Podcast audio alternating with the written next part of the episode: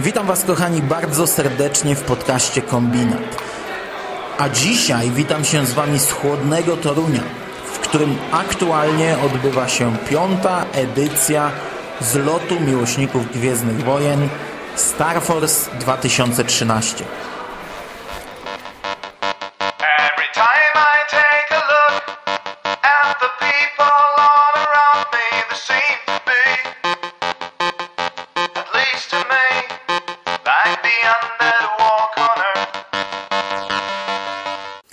O samej imprezie ja powiedziałem bardzo dużo przed rokiem. Przy okazji omawiania czwartej edycji podsumowałem i porównałem wszystkie wcześniejsze i dzisiaj postaram się nie wracać tyle do przeszłości, a skupić się głównie na tym, co przygotował dla nas Toruń. Będzie to dużo krótszy podcast niż przed rokiem, szczególnie, że mój udział w imprezie ograniczał się tym razem tylko do jednego dnia. Bardzo fajnie było powrócić do Centrum Sztuki Współczesnej, w którym 4 lata temu odbył się pierwszy Star Force.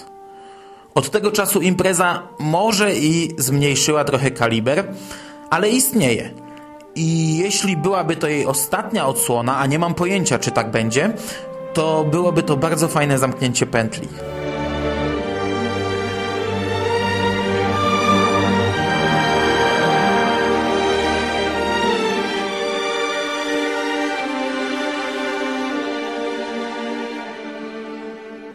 Star Force 2013 wyjątkowo odbył się 30 listopada.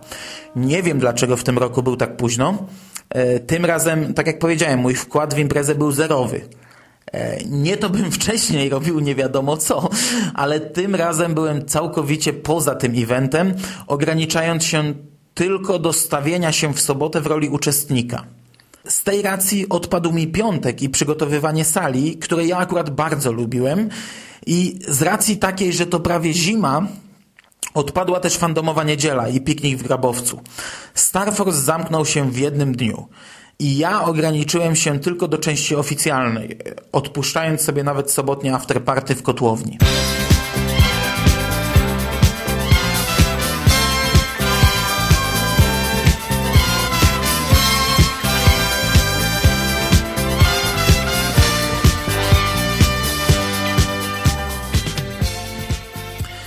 Dwa zdania przypomnienia. Star Force jest imprezą otwartą. Takie było jej założenie.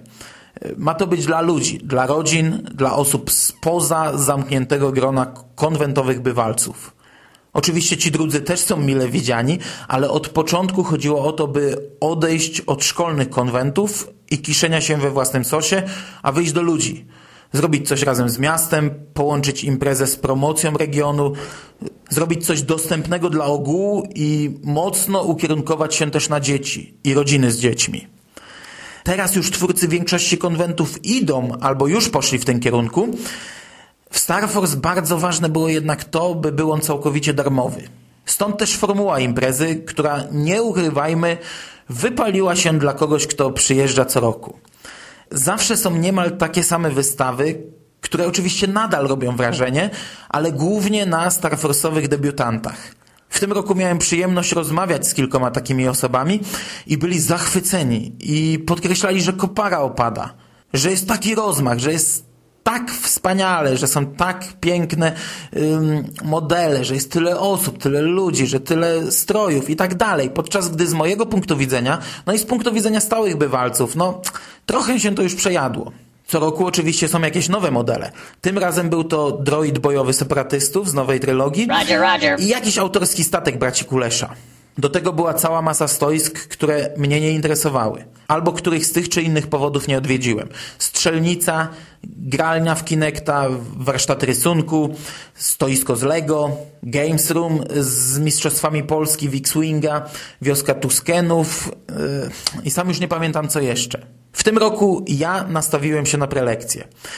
Jako, że co roku przez długi czas miałem dyżur w którejś z sal wystawowych, pilnowałem stafu, na który napatrzyłem się już wystarczająco dużo, a spotkania zwykle zmuszony byłem odpuścić. Oczywiście ostatecznie i tak zobaczyłem połowę tego, co planowałem. Star Force, jak każdy inny konwent, to po pierwsze ludzie. I czasami trzeba zrezygnować z tego czy innego punktu programu. Chociaż ostatecznie i tak zobaczyłem dość sporo. I myślę, że najlepszym streszczeniem całego konwentu będzie, gdy po prostu opowiem o tym, co udało mi się obejrzeć. Dzień zacząłem od spotkania z Mariuszem Ganzlem, co było dla mnie bardzo pozytywnym zaskoczeniem już na etapie ogłaszania programu imprezy. Mariusza Znałem to może za duże słowo. E, znaczy teraz już znam, ale przed zlotem znałem go z internetu. I to głównie z przeszłości.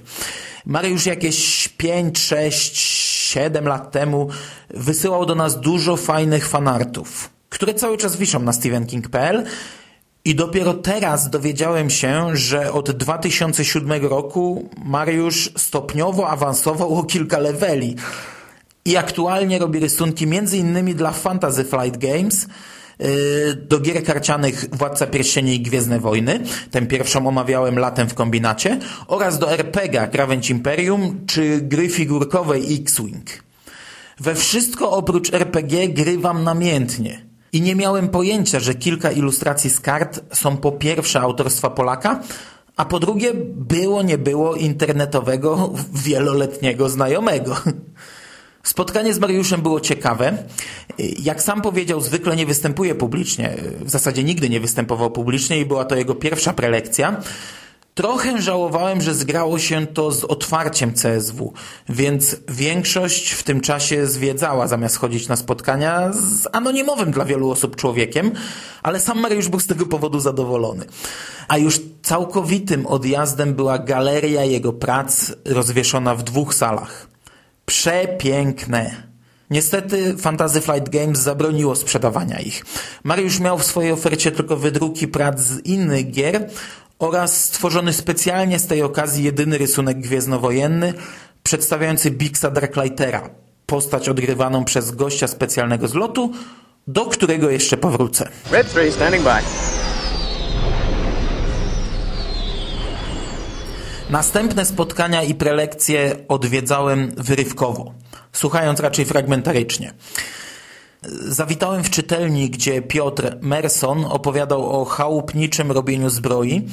Bardzo ciekawa prelekcja, choć no, nie na moje umiejętności i nie na mój zapał do pracy.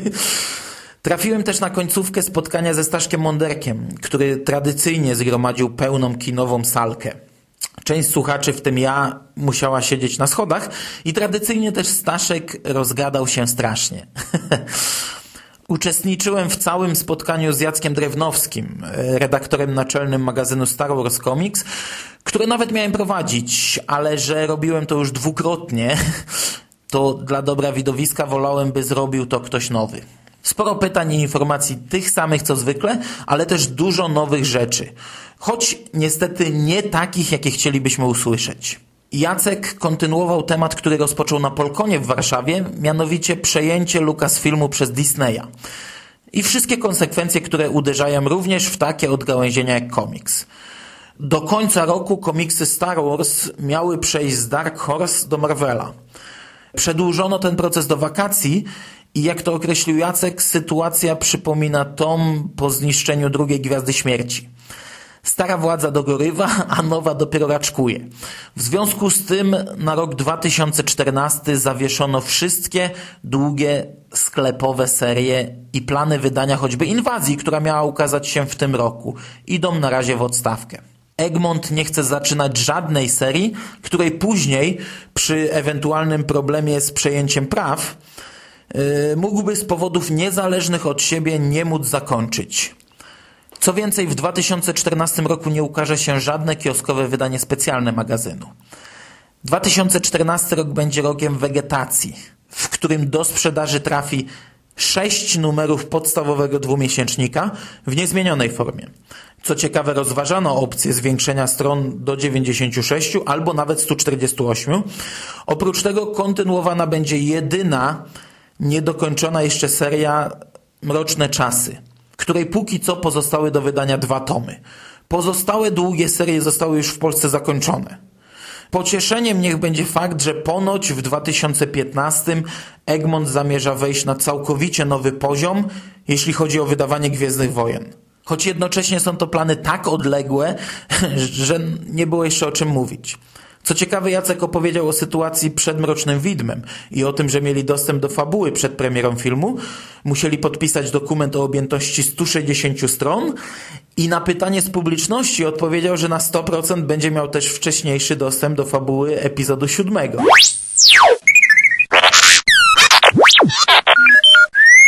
W międzyczasie można było podziwiać e, najpierw dwugodzinne powstawanie, a potem finalną figurę mistrza Jody, wyciętego z bryły lodu. Bardzo fajna część programu. Size matters not. Look at me. Judge me by my size, do you? Hmm? Hmm. And where you should not. For my ally is the Force. Czekając na ostatnie tego dnia spotkanie z gościem specjalnym, udałem się na fragment koncertu muzyki elektronicznej Przemysława Rudzia. E, W sumie poszedłem tam po to, żeby zająć miejsce w pierwszym rzędzie i biorąc pod uwagę zmęczenie i niewyspanie, jakie to było doskonałe widowisko, by odpłynąć. I to nie jest negatywna opinia.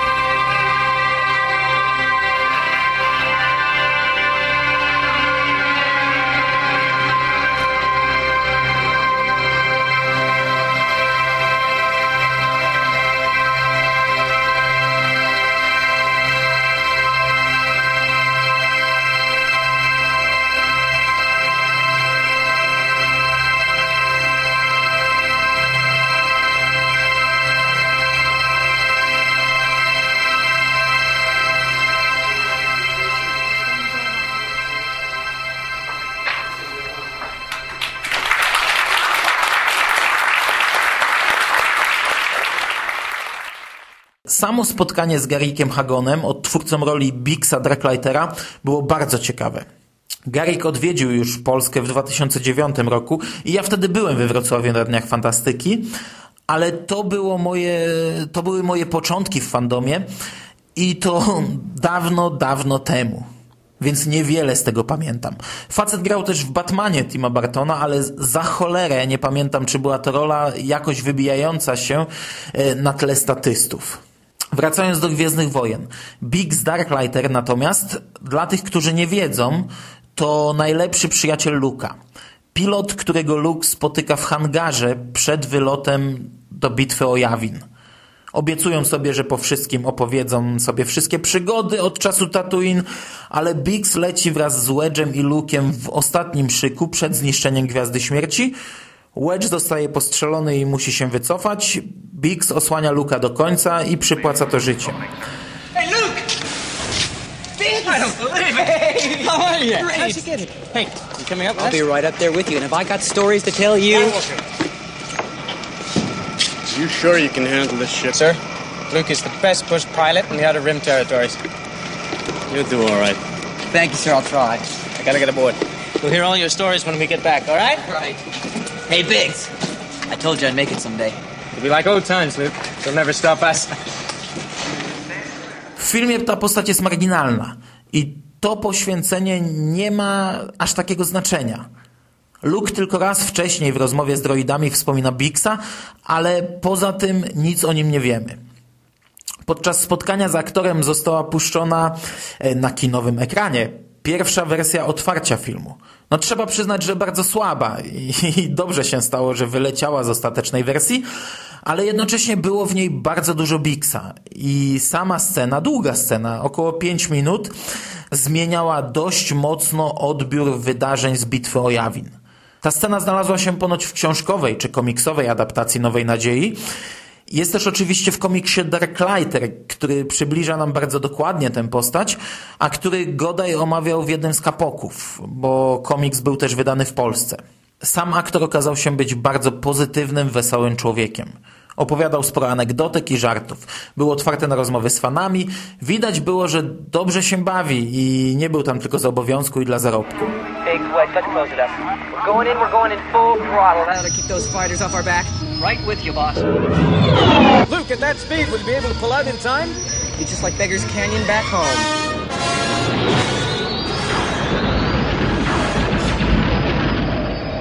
No i niestety na tym zakończył się dla mnie Star Force. Tak mniej więcej wyglądał mój tegoroczny pobyt na zlocie. Sporo pozytywnej energii, bardzo fajni ludzie, dobra zabawa. No i mam nadzieję, że za rok uda mi się nieco bardziej zaangażować i liczę też na powrót do stałego terminu, pierwszego tygodnia września. A najbardziej liczę na to, że kolejny Star Wars po prostu się odbędzie. I jeżeli to nastąpi, to bardzo serdecznie zapraszam do województwa kujawsko-pomorskiego, Bydgoszczy czy Torunia. Do usłyszenia, cześć.